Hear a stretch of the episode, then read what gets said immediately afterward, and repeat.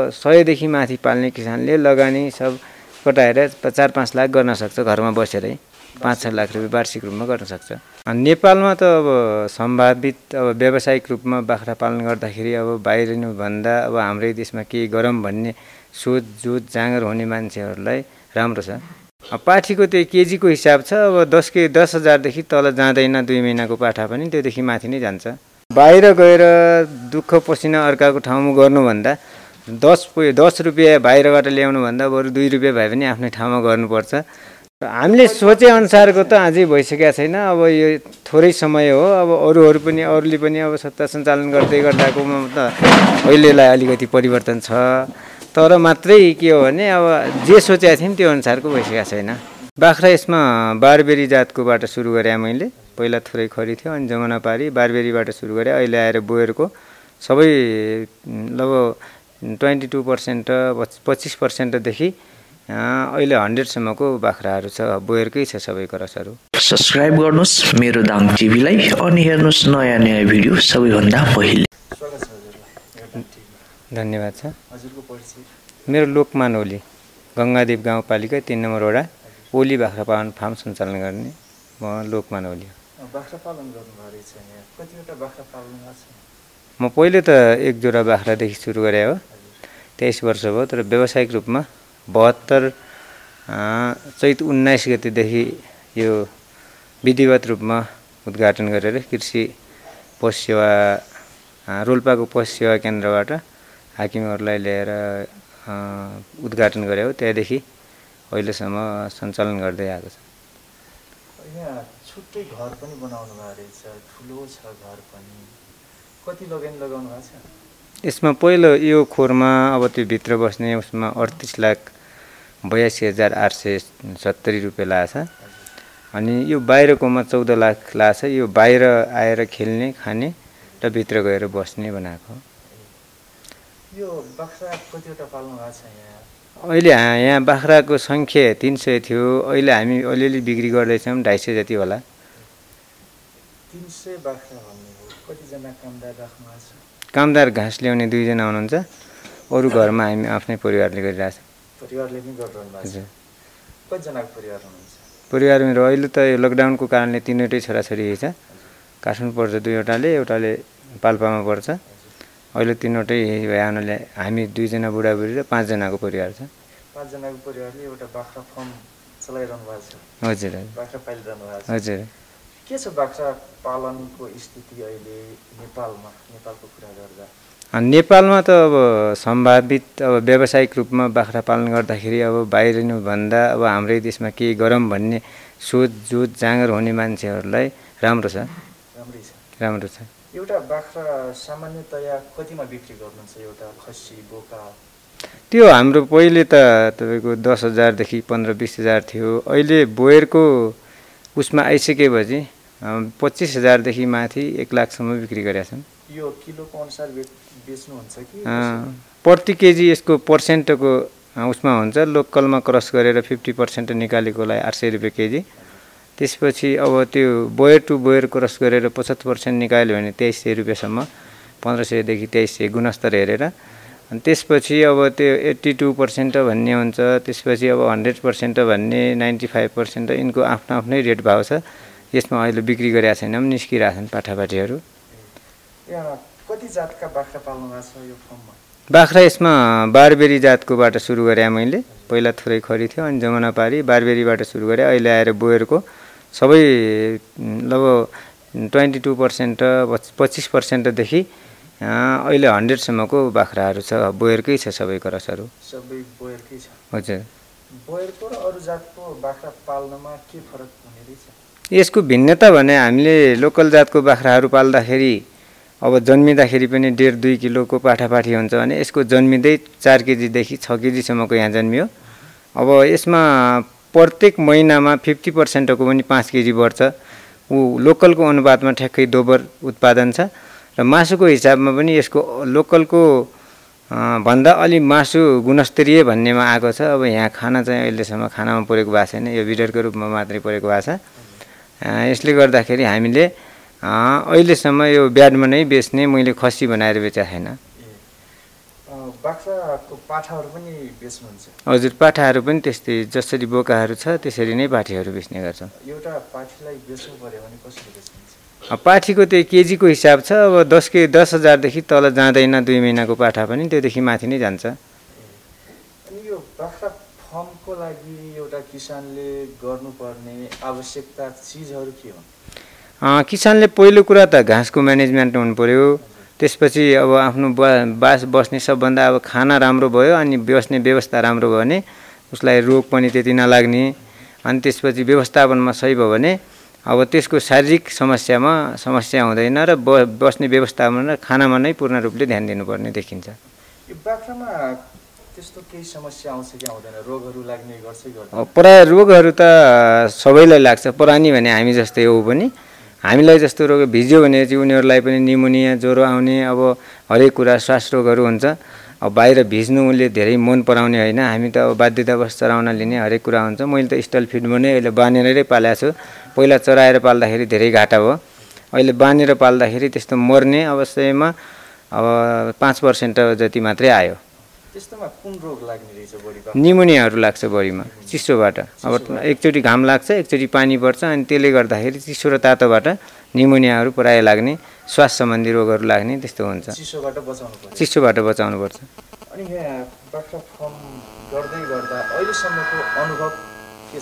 ए अहिलेसम्मको अनुभवमा मैले अब बाहिरिने उसमा बाहिर गएर दुःख पसिना अर्काको ठाउँमा गर्नुभन्दा दस दस रुपियाँ बाहिरबाट ल्याउनुभन्दा बरु दुई रुपियाँ भए पनि आफ्नै ठाउँमा गर्नुपर्छ।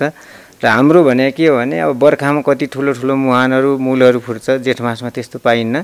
त्यो बाहिर गएर ल्याउने भने चाहिँ त्यही नै हो मेरो विचारमा। अब यहाँ भने चाहिँ सदा दिनको लागि आफ्नो व्यवसाय हो कसैको हात जोड्नु परेन कसैको उसमा भरमा पर्नु परेन। र आफ्नै व्यवसाय गरेर अब जीविका निर्वाह गर्न सकिन्छ आफ्नो पारिवारिकसँग सँगै बसेर बाहिर जानु परेन दुःख पीडा जे भयो भने आफ्नै ठाउँमा व्यवसाय गऱ्यो भने आफ्नै देश बनाउने आफ्नै ठाउँ बनाउने। पहिला त अब आफ्नो टोल छिमेक ओडा हुँदै अब जिल्लासम्म हुँदै प्रदेश अब केन्द्रसम्म नै मेरो लक्ष्य नै त्यही हो सबै व्यवसायमूलक बनाउनु भन्ने मैले एउटा नमु नमुनाको हिसाबमा गर्न खोजेको हो। अब यसमा यही हो मेरो भनाइ। यो प्रदेश पाँचकै नमुना भन्ने पनि सुनिन्छ। अब त्यो बाहिरबाट आउनेहरूले प्रदेश पाँचको नमुना भनेर भनिराख्नु भएको छ। मेरो विचारमा चाहिँ अब मेरो प्रदेश पाँचको नमुना हो भन्ने मैले त्यो भन्दिनँ। किनकि अब बाहिरबाट आउनेहरूले नमुनाको रूपमा यो रहेछ अनुदानको रूपमा कम रहेछ भन्ने प्रकारले बोल्नुहुन्छ। अब त्यो उहाँहरूले हेरे हेराएको मूल्याङ्कनमा होला। मेरो मूल्याङ्कनमा चाहिँ म हेर्न गएको छैन अब सबै ठाउँमा। गए पनि अब मेरै छ बोरी भनेर म यो भन्न चाहन्न। अनुदान पनि अनुदान प्रदेश सरकारको अब त्यो भूमि तथा भूमि तथा कृषि ज्ञान केन्द्रको अब प्रदेश नम्बर पाँचको अब ज्ञान केन्द्रले चलाएको थियो त्यो चार लाखको अनुदान ल्याएँ मैले। अनि गाउँपालिकाबाट खोर सुधारको लागि दुई लाख रुपियाँ अनि एउटा पच्चिस हजार पनि दिएको थियो। पछि गएर अहिले यो स्मार्टबाट त्यो भकारो सुधारमा दुईवटा भकारो अब त्यो आठ दस बोरी सिमेन्ट र बालुवाहरू त्यस्तो दियो अब खासै त्यस्तो ठुलो पूर्ण रूपमा अनुदानको म पछाडि पनि लाएको छैन। र अब त्यो पछाडि लाग्दै जाने भने त अब यस्तो गर्ने मान्छेले करोडौँ खाएको पनि हेरिरहेको छ र म त्यो पर उसको पछाडि भन्दा व्यवसाय गरेर अँ, आफू नै जसरी हुन्छ व्यवसायलाई फस्टाउनेमा मेरो लक्ष्य हो। लगानी अनुदान कमायो लगानी आफ्नै तरिकाले गर्नुभएको छ? मैले आफ्नै तरिकाले अलिकति अब ब्याङ्कहरूबाट लोन ल्याएको छु। कृषि विकास ब्याङ्कबाट पन्ध्र लाख लोन ल्याएँ मैले सुरुमा अनि त्यसपछि गाउँघरको थियो अलिअलि तिर्दै आएर अहिले बिस लाख जतिको लोन छ अब गाउँघरको र ब्याङ्कको गरेर। छ बाख्राहरू कता अ, खसी बोकाहरू कता कता बिक्री गर्नुहुन्छ यो हि आएर मैले अहिलेसम्म पुर्याउन सकेको छैन? पुर्याउन सकेको छैन। यहीँ हजुर आएर। हि आएर उहाँहरूले आफ्नो चोइस अनुसार हेर्नुहुन्छ हामीलाई यतिसम्ममा दिन सक्नुहुन्छ भनेर बार्गेनिङ गर्नुहुन्छ अनि म एउटा किसानको नाताले म पनि पहिला पीडित भएको कसैले एक हजार रुपियाँ पनि तपाईँले काट्दाखेरि कसैले दिन्न थियो। अहिले अब लाखौँ रुपियाँ ब्याङ्कले पनि विश्वास गर्ने र गाउँको मान्छेले पनि फोनमै पनि पैसाहरू दिने अब दानाहरू पनि तपाईँको यस्तो लकडाउनको अवस्थामा पनि अब दाङको त्यो अँ, दोगरियामा नन्दन डेरी छ नि त्यहाँ। त्यो नन्दन एग्रोले तिन चार लाखको दाना पनि दियो एउटा विश्वासले गर्दाखेरि। त्यस्तो हो। अब यस्तो समस्यामा त्यस्तो खासै पहिलाको जस्तो समस्या अहिले मलाई कुनै पनि आइपरेको छैन। त्यो समस्या त बिक्रीमा थोरै भयो तर अब यो दाना व्यवस्थापनमा त्यस्तो असर भएन। बिक्रीमा समस्या त भयो। अब उहाँहरूले विश्वास गर्नुभयो अहिले अब बिक्री थोरै थोरै हुँदै गर्दाखेरि उहाँहरूको पैसाहरू पनि रिटर्न गर्दै गएको छ। मैले इन्डियाको ज्ञानधारा शक्ति भन्ने सुप्रिम भन्ने अनि छुट्टै बाख्राको पनि छ। मैले बाहिरकै दाना प्रयोग गरेको छु। मैले किनभने इन्डियामा जे गरेको थिएँ एउटा दानामा मात्रै परिवर्तन ल्याउन सकेको छैन। अब मेसिनहरू ल्याएर यहीँकै कच्चा पदार्थ ल्याएर यही दाना बनाउने सोचमा छु। हजुर। घाँसबाट मात्रै पनि दाना त उत्पादन हुन्छ होला। हजुर घाँसबाट घाँस पनि हुन्छ दाना पनि हुन्छ तर यहाँ मेटेरियल मात्रै छैन अब त्यो बनाउने साधनहरू छैन। मेसिन मात्रै नभएर बाहिरबाट। सम्भव छ दाना बनाउनु? सम्भव छ। ट्रेनिङ लिनुभएको छ अथवा नै त्यो मैले आफैले उहाँ जो जे देखाएको छु त्यो तयारी अनुसार मेटेरियलको सामानहरूको सबैमा मैले टिपन गरेर ल्याएको छु त्यो अनुसार दाना बनाउन सकिन्छ। अनि अरू अरू खेतीमा पहिला स्याउ खेती थियो। अहिले गएर स्याउको अलि सम्भावना यहाँ तल कम देखियो अलि माथितिर अलि बढी देखियो। अब अलिकति यो मौसम परिवर्तनको कारणले पनि होला रोग धेरै लाग्यो। र अलिकति ओखर खेती छ पाल्नो घरमा छ चार सय बराबरको ओखर खेती छ। ग्राफ्टिङ त्यो बुवाले गरिराख्नु भएको छ। पहिला पनि यहाँको स्याउको स्थापना गर्ने बुवा र हाम्रो बाजे नै हुनुहुन्छ। त्यो पछाडि अहिले धेरै फार्महरू चलिरहेछन्। र सुरुको यहाँ ऊ भने हाम्रो जयवान ओलीले नै यहाँ ल्याउनु भएको स्याउको स्थापना अनि त्यसपछि भीमबहादुर ओलीले यही ठाउँमा एघार सय बुढा स्याउ थियो पहिला। अहिले गर्दै गर्दा अब हामीहरू स्याउबाट पछाडि भयौँ अनि अब फरक बाटोबाट लागिसकेपछि अब बाख्रामा म अहिले यहाँ यहाँको अब नमुना यज्ञ हाम्रो जिल्लाकै उसमा सन्दर्भमा अब बोल्नेहरूको लागि परदेशकोमा भन्ने छ। अब परदेशकोमा हुन्थ्यो भने अब यत्रो अनुदानहरू खाने राष्ट्रपति पुरस्कारहरू पाउने अरू छन् फरक हेर्दाखेरि। तर मभरि अब जिल्लाको उसमा र एउटा ज्ञान केन्द्रले एउटा नजर लगाएर चार लाखको अनुदानको भावनाले म जिल्लासम्मको मात्रै रहेछु भन्ने कुरा मैले बुझाएको छु। अब जिल्लामा भन्दा पनि हाम्रै वडामा पनि छवटा अरू फार्म छ। अब मैले यहाँ गर्दै गर्दाखेरि उहाँहरूले हेर्दै देखासिखी गर्दै अब राम्रै चलाउनु भएको छ। छवटा फार्महरू छ यहाँ पनि। बाख्रा अब जिल्लामा तपाईँको तपाईँले बढी भएको छ? बढी त मेरै छ। बढी मेरो छ। अब उहाँहरूले पनि गर्दै जानुभएको छ। पहिला थोरैबाट सुरु गरेँ अहिले एक सय जतिकोमा पुर्याउनु भएको छ। अँ, बाख्रा पालिरहँदा एउटा किसानले वार्षिक रूपमा कति आम्दानी गर्न सक्छ? अब त्यो लागत व्यवस्थापन सबै कुरामा अब एउटा किसानले कतिवटादेखि कतिवटासम्म पालेर कसरी गर्छ भन्ने कुरा त अब त्यो अब एउटा दुइटा पाल्ने किसानले त्यही ढङ्गले गर्छ। अब सयदेखि माथि पाल्ने किसानले लगानी सब कटाएर चार पाँच लाख गर्न सक्छ घरमा बसेरै। पाँच छ लाख रुपियाँ वार्षिक रूपमा गर्न सक्छ। परिवार यसैबाट चलाइरहनु भएको छ? सबै यसैबाट चलाइरहेछ बाख्रा पालन गरेर पनि एउटा पाँचजनाको परिवार पाल्न सम्भव भएछ। हजुर। पाँचजना है सातजना छ परिवार त। बुवा आमा अलिक पाल्नु घरमा बस्नुहुन्छ है। त्यहाँ भैँसीहरू पनि छ। अनि सातजना परिवार त सातजनाको छ। पढ्ने लेख्नेदेखि अब सबै समस्याहरू टारेर पनि अब दुई चार लाख रुपियाँ अब यताउता किस्ता हाल्ने ब्याङ्कको अहिलेसम्म तिर्दै आएको गाउँघरतिरको तिर्ने सबै भ्याइएको छ अहिलेसम्म।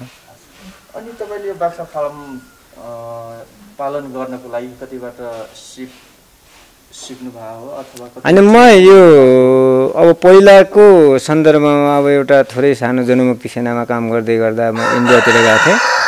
अब त्यहाँ अलिअलि मलाई शारीरिक समस्या भयो भने उपचार गर्ने क्रममा एउटा सोर्से बाख्राको खोरमा राजस्थानमा रैबोलदिन गोठ फार्म भन्नेमा एउटा थियो इन्डियाको। त्यसमा म सोह्र सत्र महिनासम्म बस्दाखेरि मैले त्यहीँबाट एक बाख्राको पाठाहरू तिन महिनाको कमाइबाट ल्याएर आएर सुरु गरेँ हो। त्यहीँबाट ज्ञान हो मेरो। यहाँ कोही इन्जिनियर पनि राखेर मैले नि खोरहरूको निर्माण भएन। मैले सबै त्यहीँको काफीमा बनाएर एउटा आफ्नो डोनर जस्तो ल्याएर त्यही अनुसार मिस्त्रीहरूसँग कुरा गर्दै यो बनाउन बनाएको हो। कति महिना बस्नुभयो? म अठार महिना बसेको थिएँ। हजुर। महिनामा सिकेको ज्ञान चाहिँ यहाँ लागू गर्नु। लागु गरेको। लागू गरे पनि सफल हुनु भएको छ। सफल भएको छ। जनमुक्ति सेना भन्नुभयो जनमुक्ति सेनामा कति काम गर्नु कति वर्ष? मैले अब त्यो पूर्ण रूपले क्याम्पिङ भएर त होइन पहिला अब तपाईँको बाहन्न सालदेखि गर्दै आएर छप्पन्न सन्ताउन्न सालसम्म पाँच छ वर्षको पिरियडमा अब घिन्ने घुम्ने गरे हो अवस्था र अहिलेको अवस्थामा केही परिवर्तन छ? अब अवस्था परिवर्तन त अब देशमा अब अब सबै प्रकारले परिवर्तन छ भन्ने कुराहरू सबै ठाउँमा छ है। अब जनताहरूको चाहना इच्छाअनुसार भएन भनेर अब बाहिर पनि साथीहरूले गरिराख्नु भएको छ। अब अहिलेसम्म यो समयसम्म आउँदासम्म अब परिवर्तन भन्ने कुरा त अब विकासको उसमा त भइराखेको छ बाहिर अरे परिवर्तन अलिअलि तर हामीले सोचे अनुसारको त अझै भइसकेको छैन। अब यो थोरै समय हो। अब अरूहरू पनि अरूले पनि अब सत्ता सञ्चालन गर्दै गर्दाकोमा त अहिलेलाई अलिकति परिवर्तन छ। तर मात्रै के हो भने अब जे सोचेका थियौँ त्यो अनुसारको भइसकेको छैन। अन्तिममा मैले सोध्न छुट्याएको हजुरलाई भनौँ भन्ने लाग्ने कुराहरू हजुर। केही छ कि? मेरो भनौँ भन्ने भन्दा पनि अब अहिले म जिल्ला समन्वय समितिको सदस्य पनि हो। होइन यहाँ तिन नम्बर वडाबाट पहिला सदस्य भएर मलाई लास्टमा भन्नुपर्ने कुरा केही त्यस्तो त होइन। अब व्यवसायिक रूपमा पूर्ण रूपले अब व्यवसायिकमा नै जाने भन्ने मेरो सोच हो। अब परिस्थितिगतमा चुनावमा गइसकेपछि त्यो ठाउँमा पनि गइयो। गएर आउँदाखेरि अहिले अलिकति थोरै मलाई एउटा आरोप लागेको छ। मलाई भन्नै लागेको कुरा अब यहाँ एउटा यो वर्षमानको क्षेत्रमा कम्युनिस्टहरूको यो जग्गा प्रकरण खरिद प्रकरण भनेर एउटा आरोप लागेको छ। म अहिलेसम्म कसैको एक गिलास चिया पनि खाने भन्ने मेरो मनसाय नभएको र आफ्नै व्यवसाय गर्ने मैले आफ्नै सम्पत्ति सक्ने बरु हिँड्दाखेरि म जिल्ला समन्वय समितिको मिटिङमा जाँदाखेरि राज्यले सहयोग नगरे पनि तिन चार हजार जेबबाटै खर्च गर्ने मान्छेलाई मलाई यस्तो आरोप लाग्दाखेरि अलिकति मलाई पीडादायी भएको छु। किनकि अब त्यो प्रकरणमा नमुछ्या कुरा सामान्य थोरै एक दिन कुरा चलाएको अनि ओडाले प्रक्रिया मिलाएर त्यो जग्गा खरिद गरेको।